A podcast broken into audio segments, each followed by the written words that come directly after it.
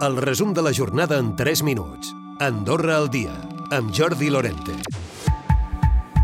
Hi haurà demanda d'investigació al Consell General per analitzar l'error en el pagament de les pensions d'invalidesa comès per la CAS. Ha estat sol·licitada pels grups parlamentaris de Concòrdia i del Partit Socialdemòcrata i també el conseller general no escrit Víctor Pintos.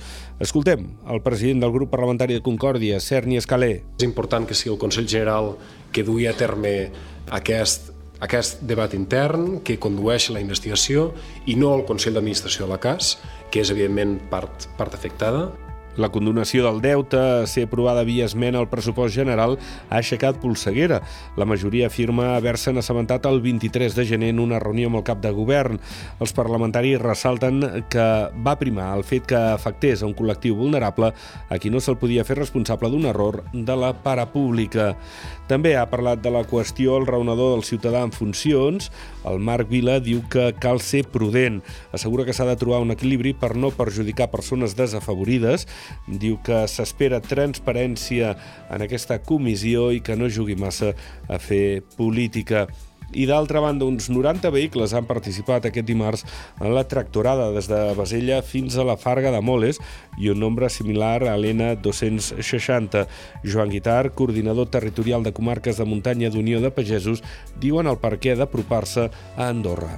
Jo penso que el govern andorrà en aquest aspecte, a més a més no està dins ni la Comunitat Europea, ens pot ajudar molt poc en aquest aspecte, però sí que mediàticament la capacitat de convocatòria, fer, de fer una mobilització al voltant d'Andorra ens dona molta canxa i gràcies a això seu, i sou tots vosaltres.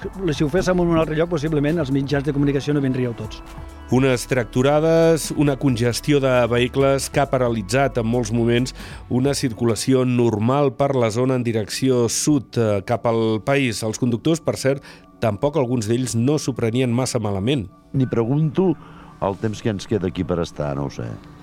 No tinc ni idea, però d'acord amb els pagesos, eh? Tenen tota la punyetera raó. I bueno, fer la feina com cada dia.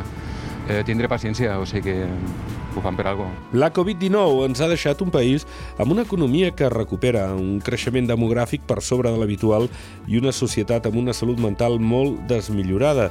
Són aspectes a tenir en compte de l'estudi que han presentat Antropia amb Andorra Recerca Més Innovació. La directora d'Antropia és Marta Alberg. A nivell de la OMS com a nivell de govern d'Andorra, la situació d'emergència s'ha donat per, per acabada i els experts també sempre diuen que quan hi ha hagut una pandèmia o una crisi així puntual, en teoria 3 anys o 36 mesos és més o menys la, el temps que es necessita ja per dir doncs, el que passi a partir d'ara, tot i que alguna cosa pot ser conseqüència de la pandèmia, ja no és només conseqüència de la pandèmia.